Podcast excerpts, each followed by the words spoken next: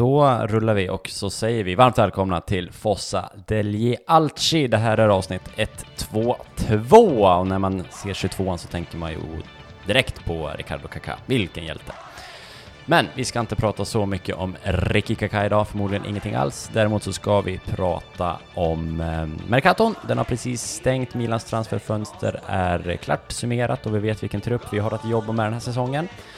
Eh, vi kommer såklart kolla på de initiala matcherna vi haft under den här säsongen. Vi är fortsatt obesegrade, det är en jävla bedrift. Och så har Andreas lite, han satt på sig läkarrocken och tänker lite kring den nuvarande covid-situationen vi har i vårt kära Italien och Serie A. Så utifrån de rubrikerna så rullar vi igång det här avsnittet.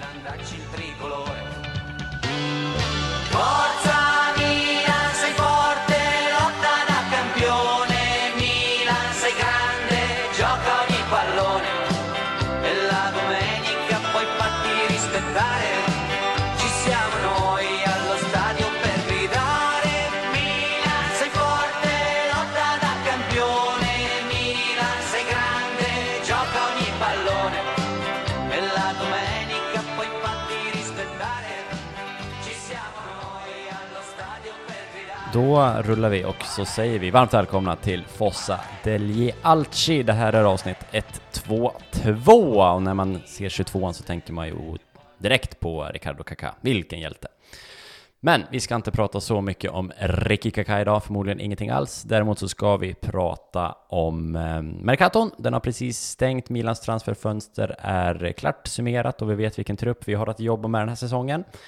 Eh, vi kommer såklart kolla på de initiala matcherna vi haft under den här säsongen. Vi är fortsatt obesegrade, det är en jävla bedrift. Och så har Andreas lite, han har satt på sig läkarrocken och tänker lite kring den nuvarande covid-situationen vi har i vårt kära Italien och Serie A. Så utifrån de rubrikerna så rullar vi igång det här avsnittet. Jag glömde säga hej till er, men det kan vi göra nu kanske. Okej, den får bara rulla. Eller har ni stoppat?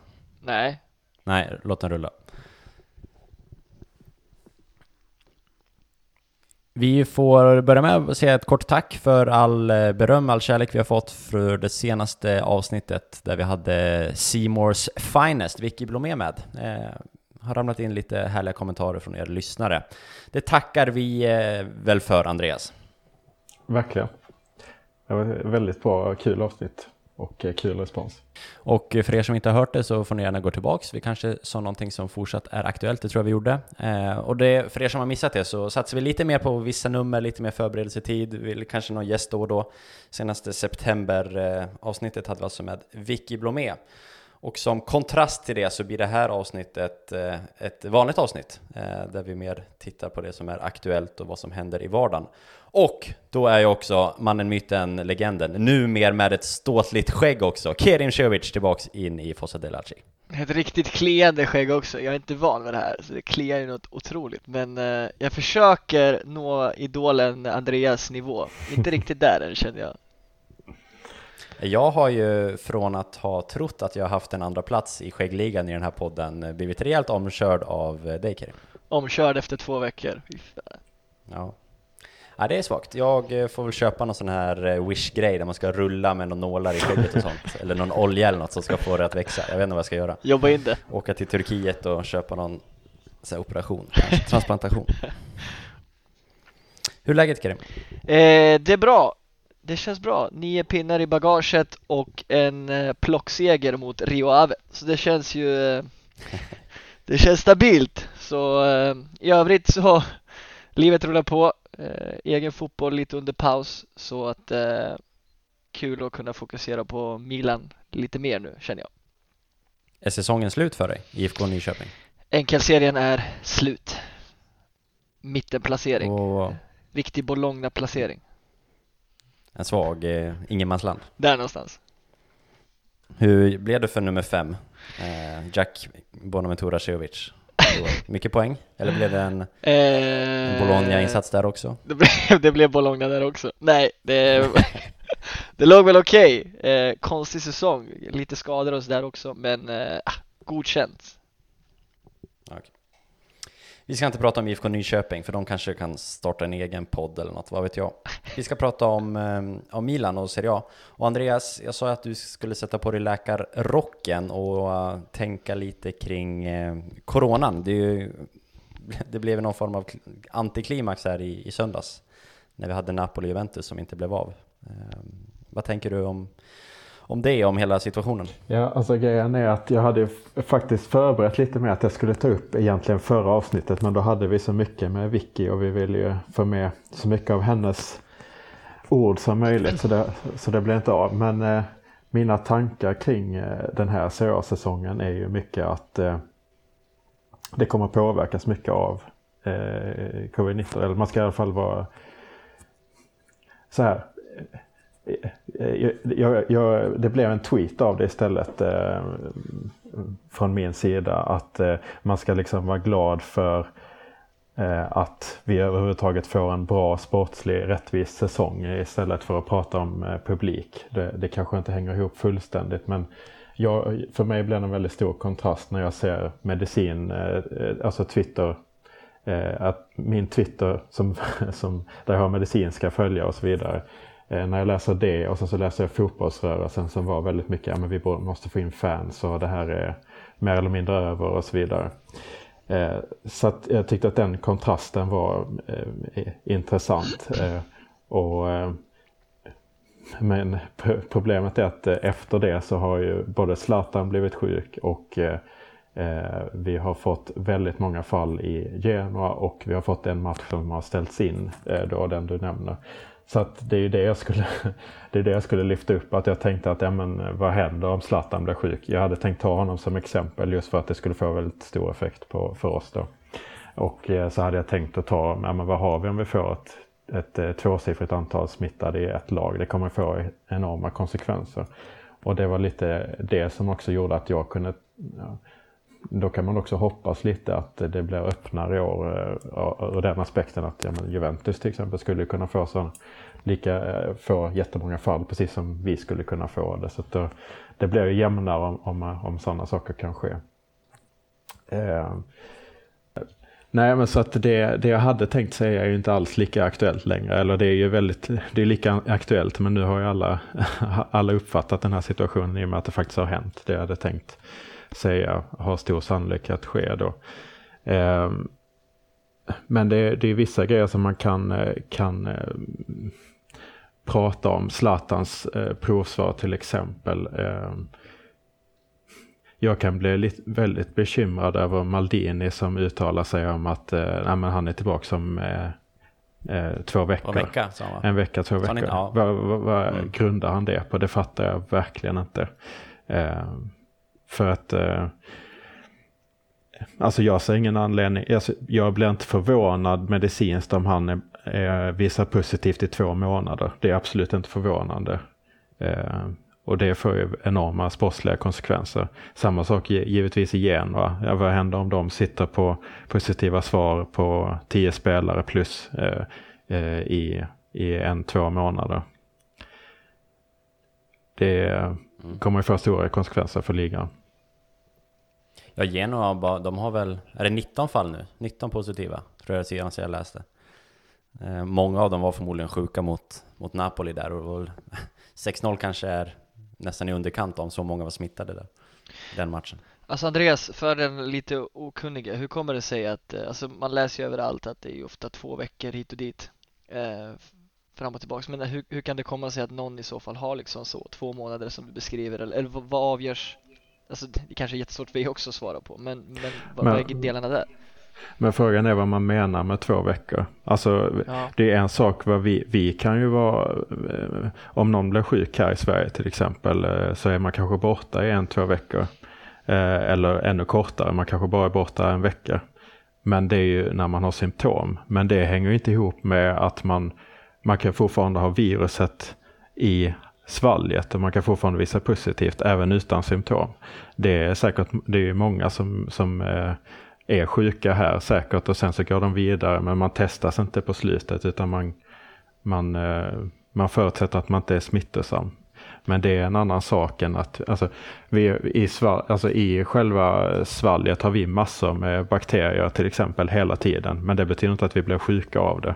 Eh, eh, även Nej, sådana som eh, normalt sett. Om man, om man omformulerar sig då, vad, vad kan det bero på? Alltså, skillnaderna i hur länge viruset är kvar i mig eller i dig, förstår du? Alltså vad, jättemånga olika faktorer tänker jag.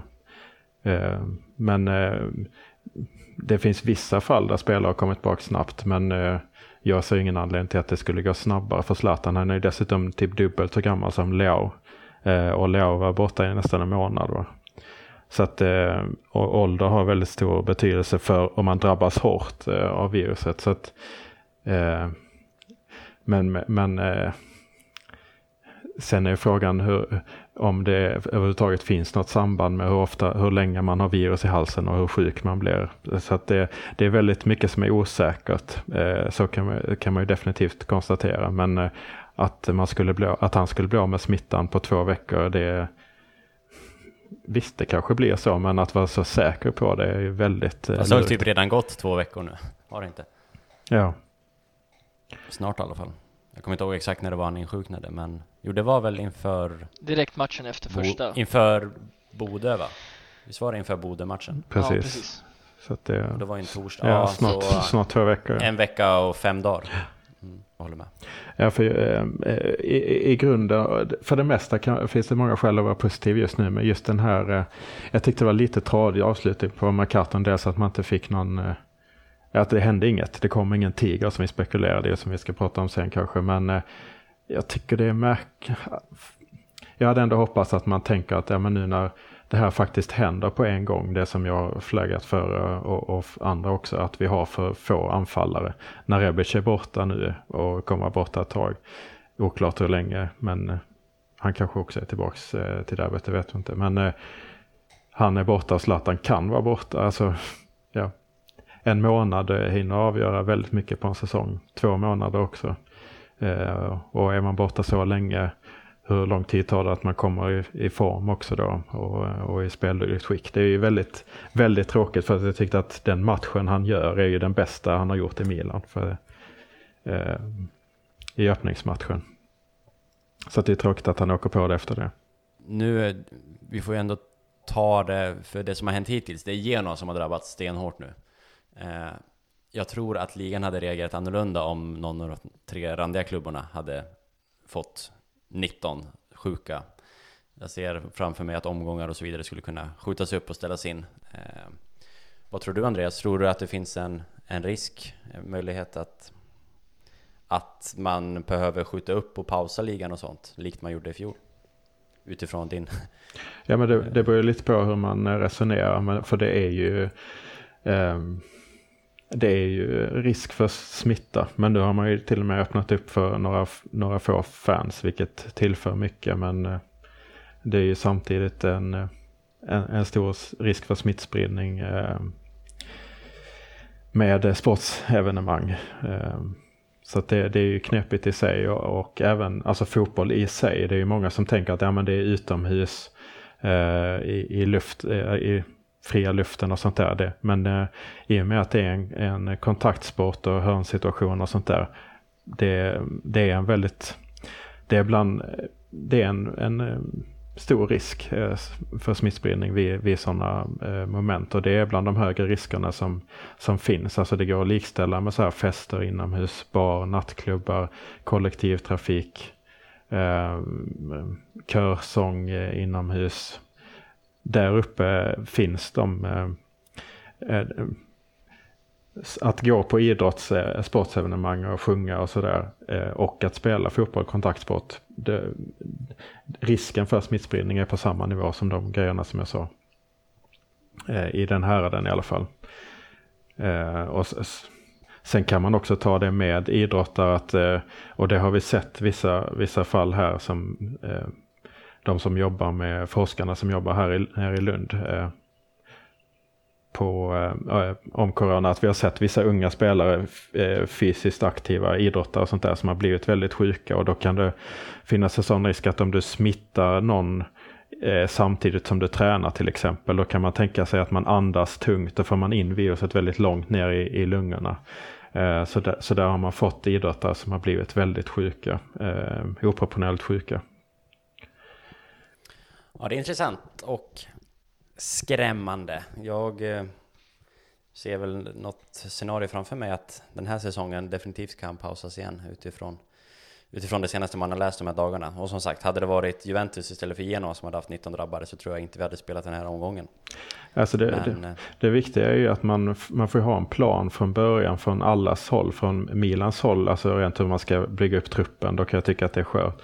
Men hur, från förbundets håll, att ja, men, för jag menar, alla som är någorlunda insatta visste, eh, eller jag tror, jag tror inte att det finns någon som är insatt i det här som trodde att det inte skulle öka en smittspridning nu under hösten. Det, det var väldigt väntat. Så att då, då får man ju då får man ju ha agerat och planerat utifrån det. Eh, och förbundet måste ju vara ännu ty mycket tydligare. Eh, ja, för de verkar ju inte redo om man ser ja. Napoli-Juventus-caset. Eh, vad händer när en lokal myndighet kliver in och säger någonting? Är det rekommendationer eller riktlinjer eller krav?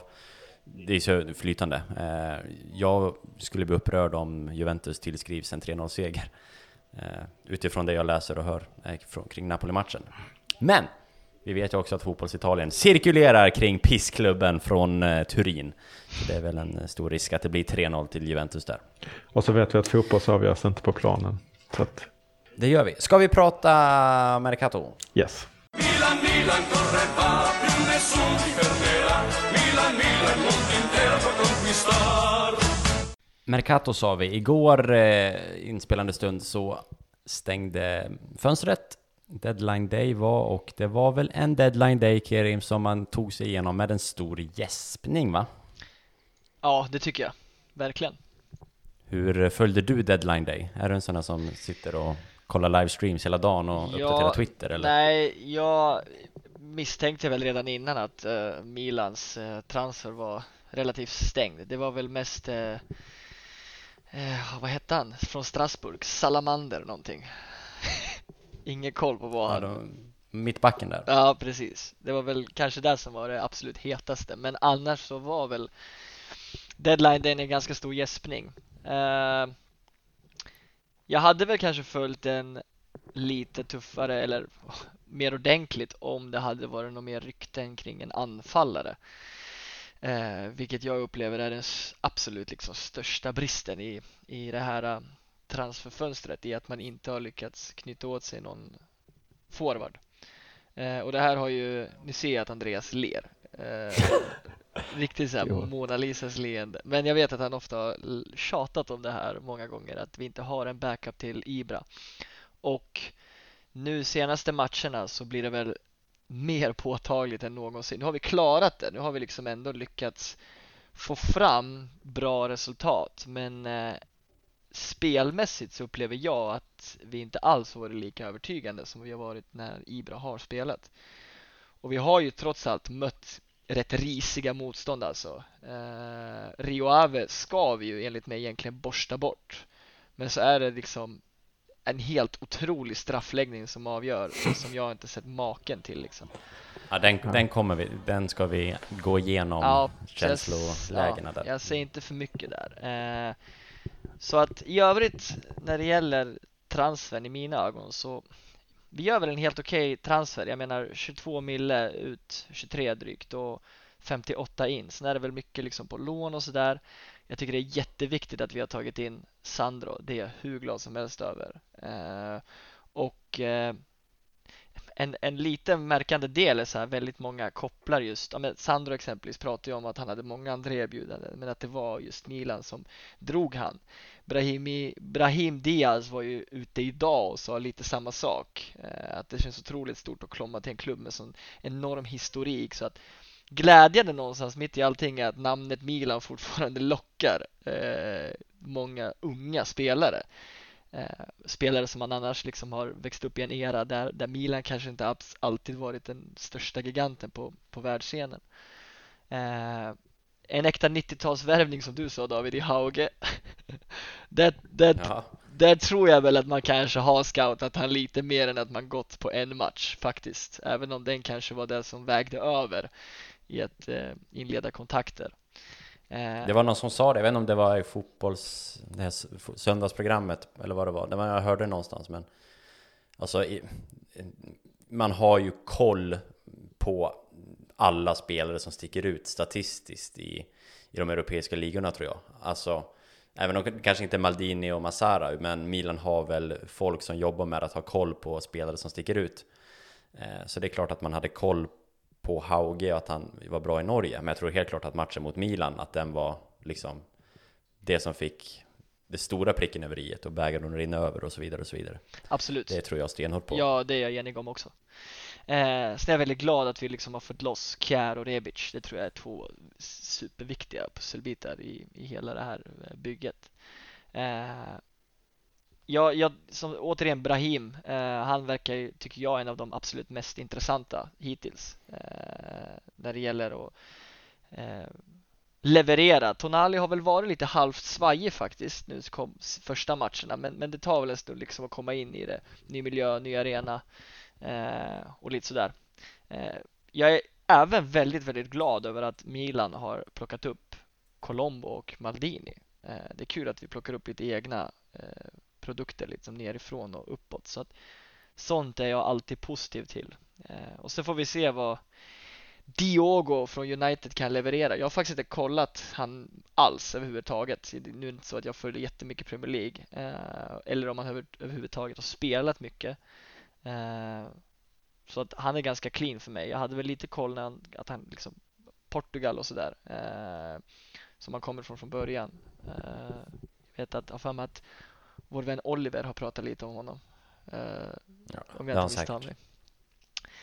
Sen är det väl liksom jag är när det gäller departures och de vi har sålt så är Ska, jag, ska vi pausa? Alltså nu, nu, nu går du igenom hela jävla, hela sommaren på 10 minuter. Det är, det är jättebra, men vi kanske kan pausa på arrivals Okej, eh, innan du går igenom och analyserar alla försäljningar också. ja kör bara. Eh, Ja, nej men jag stannar väl Eh. där då. Jag, eh, tills vidare. ja, bra. Paus där. Vilken enda hoppar du på här, Andreas?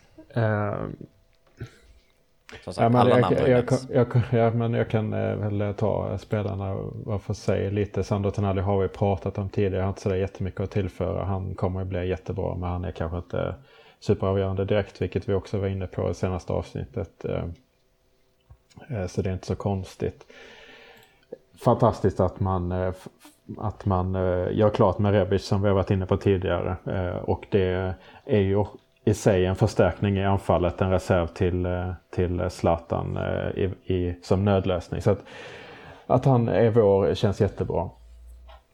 Brahim Diaz tycker jag är eh, en, en spelare som passar laget väldigt bra. Sen är det ju synd att det är ett enkelt lån på honom. Eh, Jag hade ju Ja, velat man ha... får väl se, se vad den här gentlemen's agreement, vad den kommer att handla om. Precis, det har ju löst sig tidigare för, av Maldini eh, och, och kompani. Så att eh, men jag, jag tror att den här blir lite svårare för han har så jäkla stor eh, potential.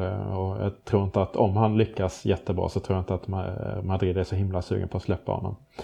Men han passar ju in i laget väldigt bra. Liksom. I pressspelet är han, är han, han är väldigt rörlig, liksom, kan spela på tycker jag alla positioner eh, på offensivt mittfält och det vi har sett med vänster, höger och eh, centralt. Han är ju oerhört bra på små ytor. Eh, och det är väl egentligen bäst centralt i banan då utifrån att där finns minst ytor och där får man ut störst utväxling på att vara bra på, på små ytor såklart. Men eh, eh, samtidigt, alltså det han gör är att han hittar liksom ytor mellan eh, backlinje och mittfält. Och det och är väldigt bra med båda fötterna. Vi var ju, vi var ju nästan osäkra på vilken hans första fot är när han skulle Ja, slå frispark. jag funderade, det var ju här senaste matchen va? Där han, eh, han när Hakan inte spelade så la Brahim Diaz den första hörnan, la med höger. Eh, Sen hade vi frispark, den som Kjär drog ganska högt över, om ni kanske minns den. Och där stod ju Diaz också uppställd, och han stod uppställd för vänsterskott då. Så vi funderade ju på där i våran interna chatt om, om man är en eh, Verdi-typ, det vill säga en sån som kan slå frisparkar med bägge fötterna. Verdi gjorde ju det, var rejält dubbelfotad och gjorde väl till och med mål med bägge fötterna i samma match. På frispark båda två, precis. På Fantastiskt. frispark. Vår talang. Eh, nej men så, eh, så han är ju fantastisk att ha bra som alternativ. Så visst i värsta fall så eh, går han till Real Madrid sen om han gör det jättebra för oss. Eh, och så har vi fått ut honom, alltså vi har fått en väldigt bra spelare under en säsong som kan vikariera på alla poster. Så att det är inte katastrof heller. Han är ju, har ju än så länge i alla fall, han ska ju få komma in i Serie A också. Han har ju presterat väldigt bra från början. Men han, har, han är kanske inte så konkret eh, och skapar poäng och, och var avgörande sista, den absolut sista delen än. Men samtidigt hade han varit det redan nu så kanske han hade spelat i större klubbar än Milan. Att, eh, Ja, jag tycker han, han är den som har varit presterat bäst på det där offensiva mittfältet efter Hakan. Mm. Eh, om vi jämför med de två på kanterna så har inte de riktigt heller levererat, i alla fall inte Samu, eh, som vi också kanske kommer in på, men där har ju det varit en besvikelse hittills. Sen eh, har vi ju andra inne i Hauge. Jag kan tycka, ja vi får väl se vad han eh, levererar. Men jag hade ju hellre velat ha någon som kan spela centralt i banan. Eh, så. Eh, nu har vi hyfsat bra truppsammansättning tycker jag. Förutom att det är obalanserat på två poster. För vi har två spelare på varje position. Vi har, två, vi har fyra mittbackar. Vi har två som kan spela på centralt defensivt mittfält. Eh, sen har vi, då borde vi ha sex spelare om vi ska ha två spelare för varje de tre eh, offensiva yt, eh, mittfältspositionerna och ytterpositionerna. Där har vi nu sju medan jag bara räknar in Zlatan då som eh, den enda som kan spela centralt eh, eller ha det som första position. Eh, för jag tycker inte att Colombo Cristoforo Colombo har ju inte seglat till, till Amerika än direkt utan han, han har ju stannat Ja, han är ju han är ju någonstans på spanska kusten. Han, han är ju inte redo liksom för han är inte redo för, för att vara eh, Zlatans alternativ än nu tycker jag. Och det tycker jag Pioli har signalerat också när han, eh, han har ju inte fått starta utan att han har, det har blivit Maldini och Rebic eh, såklart eh, som alternativ. Så att, nej, man kan liksom Och Leao. Ja, ja. Och där sa Leao också att ja, men jag föredrar att spela på kant. Eh, var han också rätt så tydlig med efter matchen. Så att jag tycker vi har ingen som kan spela där centralt. Och, och det är ju det som, som Karim varit inne på som jag har tjatat om egentligen ett år. För att jag tyckte att vi skulle ha ett alternativ till Piatek också. Han hade också kunnat skada sig eller vara helt ur form, vilket han var. Eh, och det kostar ju väldigt många poäng. Eh, Cotrone jämförelsevis är ju betydligt mer färdig. Jag- Jag ser så många likheter på Cutrone och Colombo eh, när de kom upp. Jag tycker de är, alltså Colombo sliter ju också likt Cutrone tycker jag. Det är skillnad från Maldini som inte gör så jävla mycket slitjobb på planen. Så springer i alla fall Colombo ganska mycket. Han är ganska stark i kroppen likt Cutrone. Eh, har väl också gjort, jag vet inte hur mycket baljor Cutrone gjorde i början heller. Så, så där ser jag likheter. Men med det sagt så håller jag med om att det inte räcker att ha Colombo som vice Ibra. Men, eh, ja. Nej, men, men eh, Cotrone är ju där han är nu. Eller där han var innan vi släppte honom. Eh, och inte där han kom upp så att säga. Jag, jag tycker Nej, nej, vi ska nej. ha ett bättre Absolut. alternativ. Och, Ja, ja, och visst, det, med. finns, det finns flera likheter. Jag kan i och för sig tycka att Colombo kanske är lite mer teknisk. Han har lyckats med en hel del grejer som kanske inte jag kan säga Cotrone göra. Men det Cotrone hade var ju dels att han kanske sprang ännu mer, hade större passion. Eh, men också att han var en jävel på att hitta lägen. För han kom ju till så himla många avslutslägen. Eh, lite Inzaghi-aktigt där som han jämfördes med. Så att eh, det är ju det som är det stora. Eh, vilket gör att eh, om man ska dra ett helhetsbetyg så drar det ju ner för mig väldigt mycket att vi inte har någon ersättare där. Speciellt när vi fick det här läget att ja, men båda våra anfallare som kan spela centralt är out. Eh, att man inte gör en nödlösning då. Jag har inget större problem med att vi inte tar in en mittback för vi har fortfarande fem mittbackar och det är tillräckligt mycket. Sen är det tajt just nu när vi bara har två. Men eh, det är också tråkigt att plocka in en mittback bara för att vi behöver det nu. Någon som man egentligen inte vill ha. Eh, om man är inne på att man kväver Colombo bara för att eh, man plockar in en anfallare. Den åsikten kan man absolut ha men då i samma, på samma sätt så hade man ju verkligen kvävt Gabi alltså, som har gjort det jättebra. Eh, eh, om han skulle bli sjätte alternativ plötsligt eller femte alternativ strax före Duarte då på mittbacksposition. Så att eh, mm, jag är betydligt mer bekymrad över att vi inte tar in en anfallare och har väl någon slags ett minihopp fortfarande på att ah, Mario Mandzukic är kontraktlös. Han kan fortfarande plockas in. Jag hade hopp på, uh, nej det ska jag inte säga, Cavani plockades ju igår, han var också kontraktlös. Men han kanske inte hade riktigt gått ihop att gå in och vara vice Zlatan en gång till. Med tanke på att de inte heller kanske var bästa vänner. Nej men, uh, vad sa vi? Det var något mer vi pratade om som var free transfer. Som vi hade i chatten. Här kanske jag ja, men du har ju bollat upp eh, en av Napolis tusen Ja, centrala anfallare. Mm. Ja, de, Napoli sitter ju på fyra på en position, eller fem på två positioner som vi har pratat om. De har Llorente, Osh, Oshimen, eh, Petagna och eh, Milik. Och jag läste idag att Milik skulle få träna på egen hand fram till januarifönstret. Riv hans kontrakt och skicka han till Milan. Mm. Man hade tackat nej till någon av dem. Vem som helst får komma. Eh, jag ser fram emot eh, eh, att se den här Diego, Diego Dalot in in action. Eh, inte för att Calabria har gjort det jättebra, så jag vill gärna att Calabria fortsätter, men jag har pratat med flera United-supportrar som säger att eh, Dalot är, eller Dalot eller hur den uttalas, men att han är en väldigt, väldigt offensiv ytterback. Att det är där han är en omskolad ytter. Eh, så, det är ju alltid intressant att se sådana spelare. Eh, men jag undrar hur, hur, hur balanserat det blir med Theo och Dalot på kanterna. Samtidigt som man vill få sagt att Calabria den här säsongen har en mycket, mycket högre utgångsposition än tidigare, samtidigt som Theo kanske har backat ner något. Jag tycker de står ungefär lika högt idag, våra ytterbackar. Om man jämför med förra säsongen när Theo var vänsterforward och, och Calabria var mittback liksom.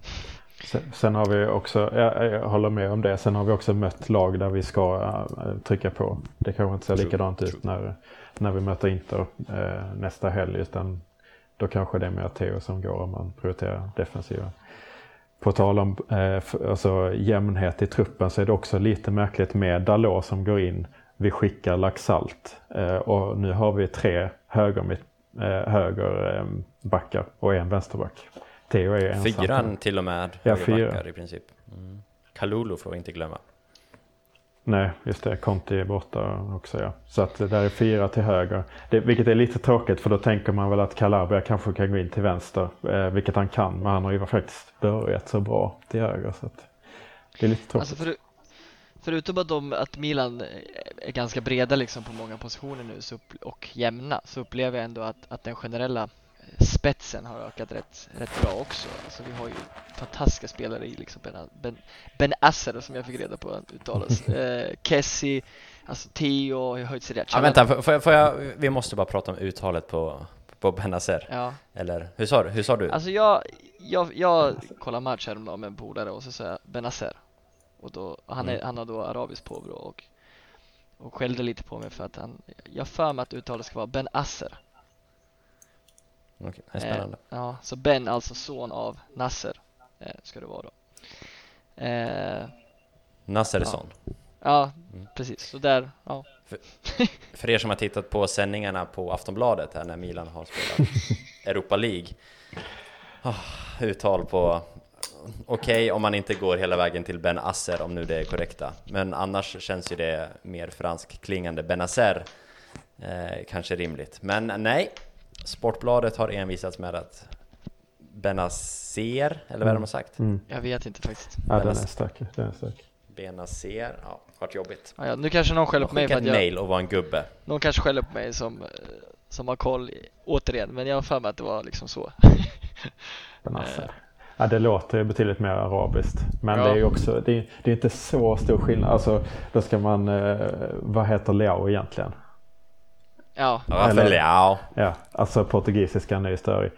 Jag, jag, jag borde kunna det här egentligen, men alltså Simon, hur man egentligen uttalar hans namn, skulle det vara kanske Simon Kaja?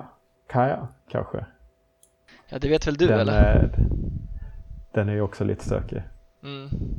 Ja, alltså jag kan ju typ störa alltså med som med bosniskt påbrå så folk som säger Dzeko det är också en sån här sak liksom. det är ju Dzeko som, som det ska uttalas så, men man är väl lite blind för vad ska man säga, sina egna kanske eh, hur som helst, det jag tänkte komma till i alla fall M- eh, Musak, Musacho kollar jag förresten upp och jag tror att det är någon slags kombination av Musacho och Q. Utan det är typ Musacho.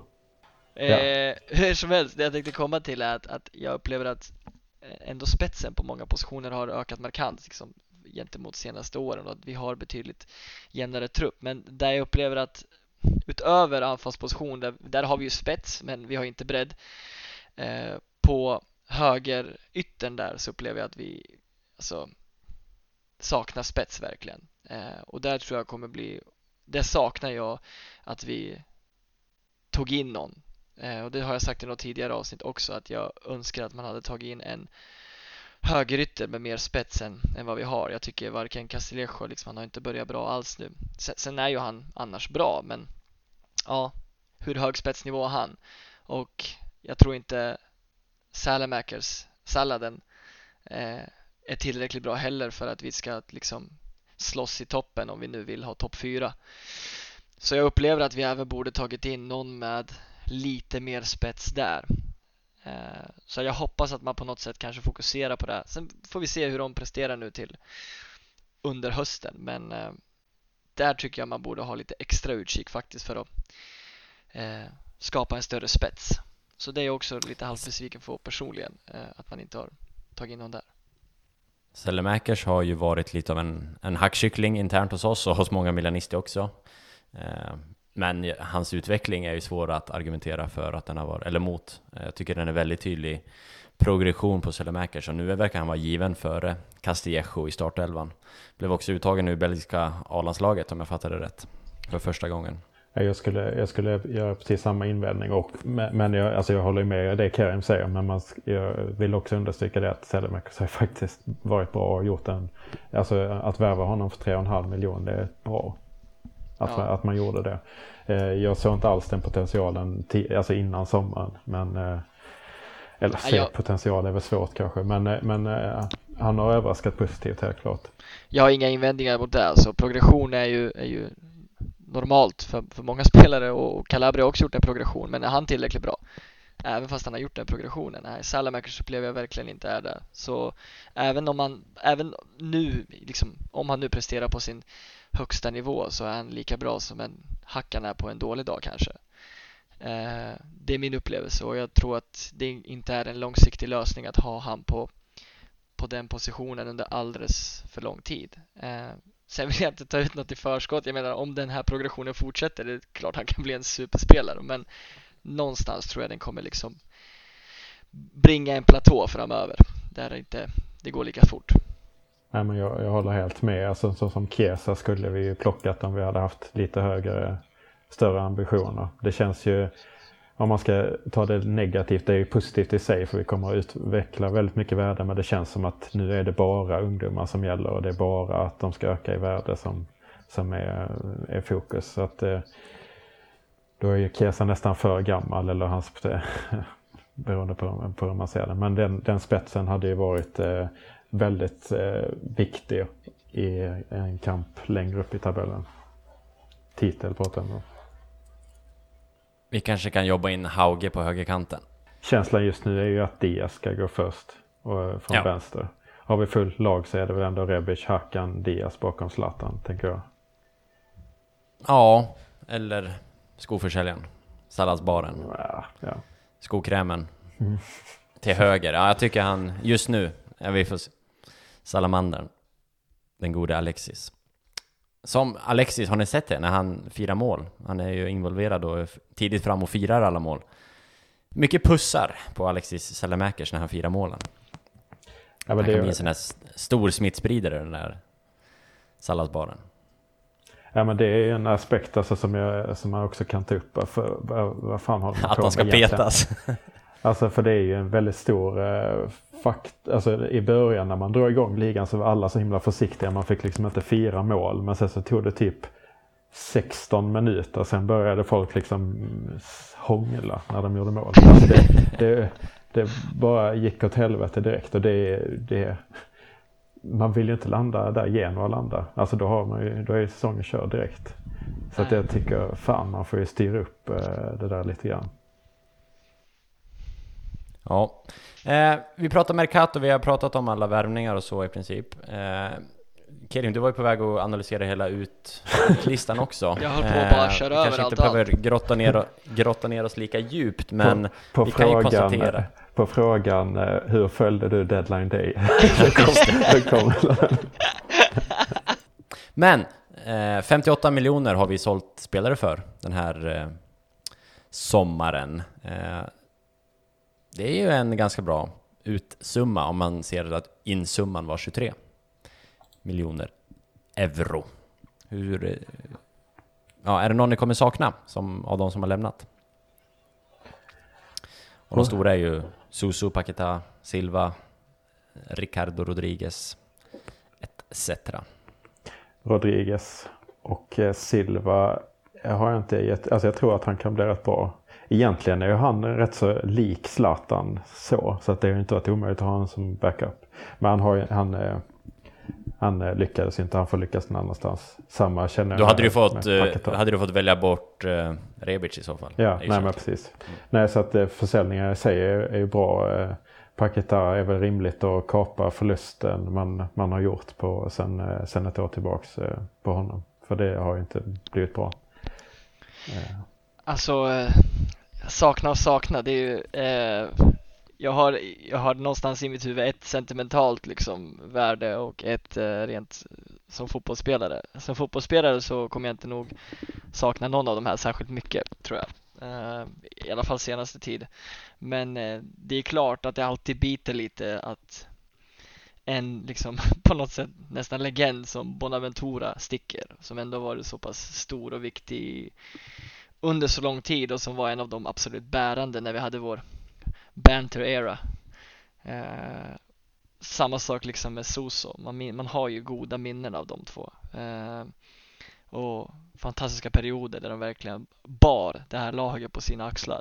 Eh, sen är jag generellt väldigt nöjd ändå att vi har gjort av oss. Alltså Biglia Reina, det är ju utöver att vi har sålt för direkta transfersummor så är det ju skönt att bli av med löner som finns i, i de, de, de spelarna. Eh, att vi får iväg Paketa också för 20 miljoner är för mig, ja, jag fattar inte riktigt vad, vad Leon ser där. Eh, men kanske att de lyckas Där, förädla. gör, där diamant. gör vi ju ändå en, en förlust på 18 miljoner. ja, det är nästan halva värdet vi köpte Ja, för ett och absolut. ett halvt år sedan. Alltså Vi det är- är ju, Vi gör definitivt en förlust, men hade ni köpt en Paketa idag för en 20? ja, det tycker Nej. jag ändå. Absolut inte. Ja, alltså- jag hade inte. Ja, han värvades ju av, eh, av Leonardo Maldini för det dubbla för ett och ett halvt år sedan. Det, Mm.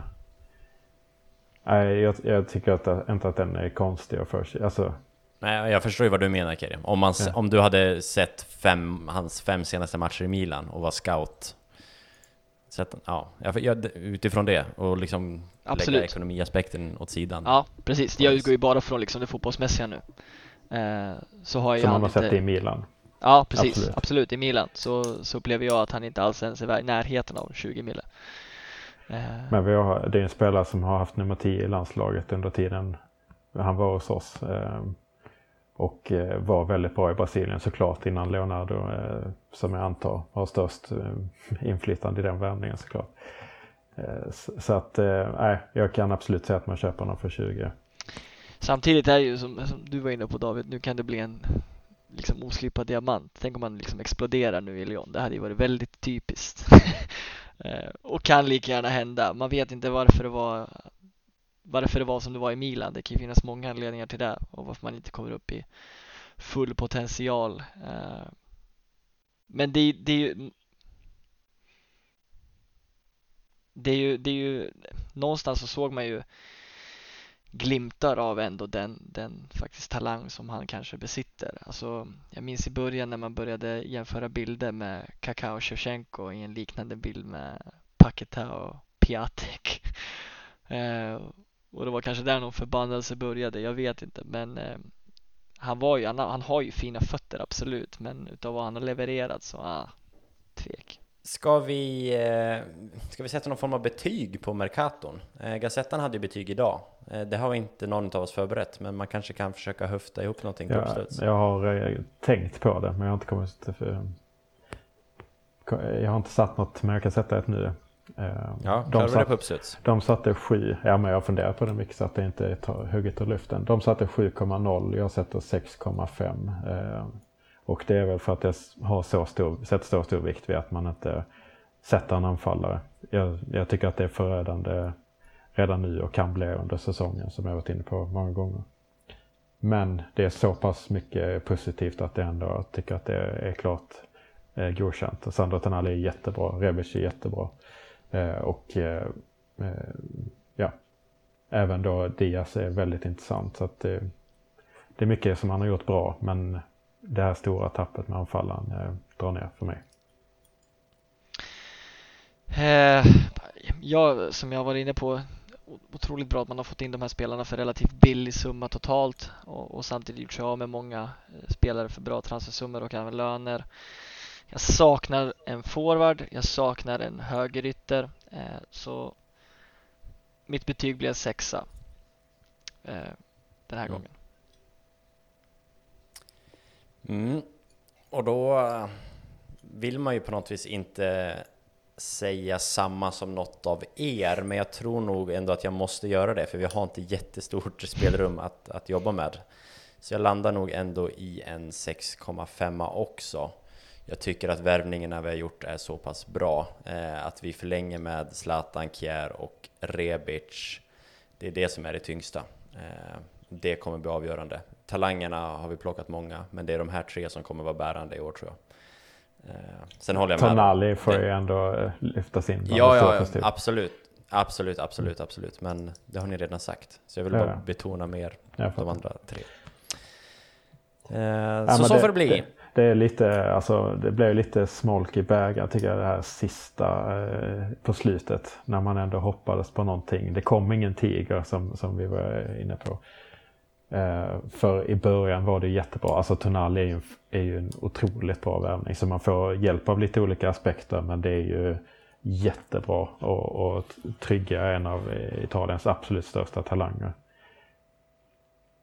Det, det är ju lite tråkigt att kolla på vårt lag nu, eh, startelvan, och se att det är, ja, men det är Donnarumma och sen är det typ Gabbia nu som är italienare. Kan jag tycka. Calabria är, är det också. Eh, då, Mm. då är det kul med en Tonali som kan komma in där också. Romagnoli får vi inte glömma. Såklart. Kommer också komma tillbaks. Bra, ska vi eh, avsluta det här avsnittet med att titta på matcherna som har varit och jag tänkte att vi skulle grotta ner oss lite i känsloläget under Rio Ave. Milan, Milan corre va, più nessuno ti fermerà. Milan, Milan, il mondo intero può conquistar. Vi har eh, spelat eh, matcher, eh, ganska många sådana. Matcherna duggar tätt. Och man är fortsatt obesegrade post corona, eller man, vi är, eh, jag gillar att prata i vi-form, närmast en förlust och jag tänkte det var där vi ska börja var ju 100% klarast eh, matchen mot eh, det portugisiska bonnagänget Rio Ave. Hur eh, mådde du eh, någonstans där Andreas? 23.55 ungefär när matchen avslutades, eller straffsparksläggningen avslutades. Ja, Jag Sätt var, ord på känslorna. jag var rätt urlakad i kroppen. Det var ju också så dessutom som inte hör hit. Men Malmö spelar ju Europa-kval eh, som slutade fem minuter innan Milans match började. Så det blev långa, eh, ja det blev många timmar Europa-kval där på, på raken eh, för min del. Eh, så eh, eh, ja, man blev rätt, jag var rätt matt. Okej Kirim, om du backar, vad kan det tagit? 10 minuter? Säger 23.45. Där ska en straffläggning sparkas igång. Hur eh, mådde du där? Fan, jag... Eh, alltså jag hade bara så svårt att greppa tag om, om hela situationen. Här skulle liksom ett, ett, ett e, eventuellt EL, EL liksom spel avgöras på någon så här en av elva elvamannaplaner som fanns där i området typ eh, på någon så här ja men regn och blås och 22, 23 som du sa där sent på kvällen. och Alltså jag fattar ingenting. Straff i sista minuten. Ja, det det var helt surrealistiskt och hur den straffen liksom kom till. Han bara plockade ner den med handen typ. Eh, och hackan är iskall liksom. Jag, jag hade väl ändå en, en, en känsla av att Milan kommer greja det här. Men att det skulle bli så dramatiskt som det blev. Att jag skulle vara med om den helt otroliga känslovågen här hemma i sovrummet liksom i sängen eh, var Jag vet inte hur jag ska beskriva det mer än att skratta liksom. Nej, jag vet inte vad, vad- vad, kan man säga liksom? Har, det har ju aldrig hänt något liknande väl? Det kan inte ha hänt något liknande någon Nej, gång. nej. Nej, alltså för mig men jag- som sagt, det, det var just känslan av att, för, för när du tittar på den, det kändes som att det var en försäsongsmatch i januari liksom. Eh, och, och när du blickar tillbaka och bara, alltså det är så jävla mycket på spel här nu. Eh, så blev det så surrealistiskt bara att fånga allting tyckte jag. Eh, så, hela den där delen, liksom miljön kopplat till eventuellt resultat eller vad som skulle hända framåt var svår att greppa tag om. Ja, men, ja, men jag håller helt med. Jag, just skratta är också sånt. Alltså jag börjar, jag börjar bara skratta ibland. Vissa, för det var också så helt bisarrt för att alla straffar typ var ju hur bra som helst. Och sen så var det då några som var dåliga och då blev det alltid att den andra, nästföljande blev dålig också. Liksom, så att det, det följdes åt så. Eh, Men alltså, för jag brukar inte vara så, jag brukar, ibland kan jag bli, det har inte vi pratat om, men jag kan bli, jag kan bli lack ibland i vår chatt på att, det, att, eh, att ni skrattar eller så skriver så haha när det går dåligt eller något sånt. Jag blir så jävla förbannad. För jag är typ bara sur och ledsen och förbannad. Och så skrattar ni, det, det tycker jag är störigt. Men just i det här, när det var de här straffarna, alltså jag bara garvade. Typ. Alltså jag blev, det var inte så att jag firade när de också missade sin andra straff, alltså straffen efter oss, utan jag bara skrattade. Det blev helt bisarrt. Och som du säger, det är ju jättemycket som står på spel. Vilket man, alltså, och ändå så bara skratta. Alltså man vet inte vad man skulle ta vägen. Nej, det var mycket märklig Nej, upplevelse. jag, jag skriver under 100% Det var bara Jag visste inte vad jag skulle ta vägen Jag ville skratta och gråta och gömma mig samtidigt och Titta på straffarna och gå iväg och gå och lägga mig Alltså jag ville ju allt samtidigt eh, Så det var Ja, ja, den, den stolpe stolpe ja, det, nej, finns En inte. sekund är det så här stolpe stolpe där bollen liksom rullar på linjen sen byter man sekvens ser man hackan stå och skaka i en filt liksom. Vad fan är det, vad händer? Vad är det som Sen sker? gör de, ja, sen slår de in någon straff och då bara dunkar Swedish House Mafia igång i högtalarsystemet. Avicii Ja, det, ja, det, du skrev det i våran chatt där, att det här Exakt. känns som liksom Råbycupen eller Aroscupen eller Ja vilken jävla ungdomscup som helst. Liksom det, det är finalen på den, eh, på, på centercourten på de här eh, enorma fältet. så Heden Exakt. eller kalla det vad du vill, Rosvalla. Det finns väl sådana fält i alla städer.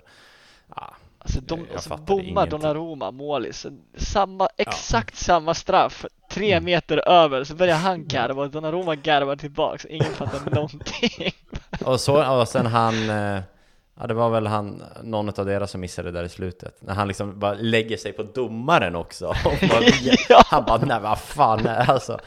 Ja, det, och sen som du säger, Hakan står i någon svart filt och fryser. Ja, Och, och nej, deras målvakt skjuter, alltså Donnarumma skjuter tre meter över, han skjuter fem meter över. Nej, jag, jag fattar alltså, vid något tillfälle kom jag på mig själv och tänka och bara tyckte synd om domarna Alltså stå och blåsa i den där pipan hundra gånger och linjedomaren måste stå vid, vid linjen där borta och bara, har den gått över? Har den gått över? Det är så Det är konstigt jättekonstigt. Och så som. Andreas sa, så här, superstraffar också. Alla lägger svinbra straffar. Och, nej, helt Vi har inte ens otroligt. nämnt att han på femte straffen kan, ja, kan bomma bort Rio Ave. Då går han fram och chippar den jäveln. Enka. Men det var ju min enda kritik, alltså seriösa kritik. Vad fan, Donnarumma är så jävla bra på straffar, men stå still, stå, eller stå i Ja. mitten, vänta. För att eh, då hade han kunnat ta dem enkla. Och det var ju det jag sa han räddade också på slutet. Men det är, eh, jag tycker ändå det är anmärkningsvärt att Kerim har sympati för, alltså vanligtvis för strafflängden brukar man ha sympati för förlorarna. Ja, De har ändå så här, en, när det är en minut kvar på tilläggstid så leder de, sen får de straff mot sig. En åker ut. Sen är det 24 straffar. Och sen åker de ut. Är sin enda chans att nå Europa typ någonsin mot Milan, deras drömmatch. Och du tycker synd om domaren som har stått och blåst. att han har börjat blåsa 30 gånger. Ja, det är märklig sympati att ta.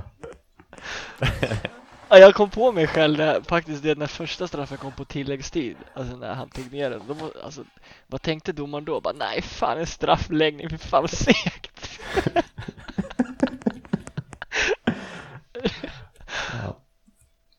Ja men tänk han Ja. då, han då som, för, han som blev utvisad, han som satt och, stod och följde det borta vid båset. Zoomade ju in han tio gånger också under straffläggningen. Han såg ut att må, nej Ja, fy fan. Jag såg ju bara en sån här, eh, jag tror de eh, produ- TV-produktionen där ville efterlikna, om ni minns Suarez VM 10 När Exakt. han ju tog på hans på, eh, i straffområdet där det blev straff och Gian Han bränner den! Han sumpar den! Allt skiter sig för Ghana! Ja, exakt. Eh, Oh och då my, gjorde God, ju- my då- God. Oh my Dieu, mon- what is going on? Eh, Ja. eh, och då gjorde de ju så att de filmade Suarez som firade när de ändå gick vidare där. Ja, Suarez fick ju lite bättre utfall på sin hand kan man ju säga. Ja, än den stackars kroat, kroaten i, i Rio Ave. Den är ju helt sjuk. Jag tänker att det är någon Milan-gubbe som har köpt, klivit in och lagt ett litet bud på honom där. Men men. Det är helt otroligt. Eh, Sänds inte ens in på en vanlig kanal liksom. Vi följer det på Aftonbladet plus. det, är sjukt. Råbycupen med Avicii. Exakt. Det är så sjukt. Men vi är vidare i Europa League. Vi fick eh, Lill, eh, Laxalts Celtic och eh, Slavia. Sparta. Sparta va? Prag. Ja, eh, där ska vi väl avancera. Absolut, det är väldigt skönt. Lill blev ju tråkigt att få där som fjärde sidade. Det, men innan dess så kände man ju bara att ja, men den här gruppen, den kan man ju lite av eh, städa av. Det har varit rätt skönt för att vi kommer ju behöva, om en Zlatan är tillbaks eh, det här året, men eh, är han det så är det ju skönt om, om man kan vila honom i de här Europamatcherna och det, då ska vi slå Celtic. De har väl en rätt vass vänsterkant nu i och för sig, men annars ska man ju slå dem och Prag. Om du tänker att, att Milan bara fan inte Lill i fjärde. Hur tror du då Prag och Celtic tänkte när de fick Milan i tredje? Det är också rätt oturligt för dem. Ja, ja, alltså för Prag att vara andra sidan och sen få Milan och Lill under, under sig så att säga. Det är ingen kul eh, lottning. Sen i ligan, jag vet inte när vi spelade in sist, men här senast nu mot Spezia så, så såg ju andra halvlek väldigt bra ut när Hakan kom in och var så där bra som han är just nu. Det var verkligen två olika halvlekar upplever jag det mot, mot Spezia. Ja, men det, han är ju världens bästa spelare, så är det ju. Men eh, ska man, eh, eh alltså om man ska ta något generellt från alla matcher tycker jag är att eh, lite öppet mål kanske att säga när vi inte har släppt in något mål och är de enda laget som inte har släppt in något. Men försvaret är ju det är väldigt bra. Eh, hade man ju inte väntat sig när, när man ser att Garbia måste spela alla matcher för vi har två mittbackar på plan. Eh, eller i truppen som är friska. Så att eh, jag, jag tycker väl kanske de är nog mer skyddade. Det känns inte som att de är, eh, utsätts för så många situationer förutom massa inlägg och där är ju Kjär otroligt vass. Så att det är ju en laginsats också förstås. Eh, men eh, att vi inte har släppt in noll, något mål oavsett att motståndet har varit lite svagare. Samtidigt alltså Bolognas offensiv. Eh, jag hade absolut inte väntat mig att vi skulle ha nollan där och sen har vi nollan två ytterligare matcher. Så att det är väl det mest positiva som jag tar med mig. Ja, Exakt. Vad bra, men vi är eh, obesegrade och nu går vi in i ett uppehåll. Eh, vi slipper skicka iväg våran supernyckelspelare till Hernandez som ställer sig frågan själv på, på sociala medier här i, i veckan. Varför blir jag inte uttagen? Jag förstår ingenting. Och det, Det fattar inte, ens, det tidigare. det fattar inte ens Lukas Dinjes mamma tror jag. Då stannar vi där tycker jag och säger tack för att ni har lyssnat på det här avsnittet av Fossa del Jalci. Eh, har ni frågor, tankar, åsikter, hör av er. Twitter heter vi Fossa Delialci. Skriv till oss där om ni vill någonting. Annars vill jag bara säga på återhörande och tacka för det här avsnittet. Exakt. Håll öron och ögon öppna för nästa månadsavsnitt. Det kommer ett inför inte. Exakt. Ciao! Adjöken, ciao.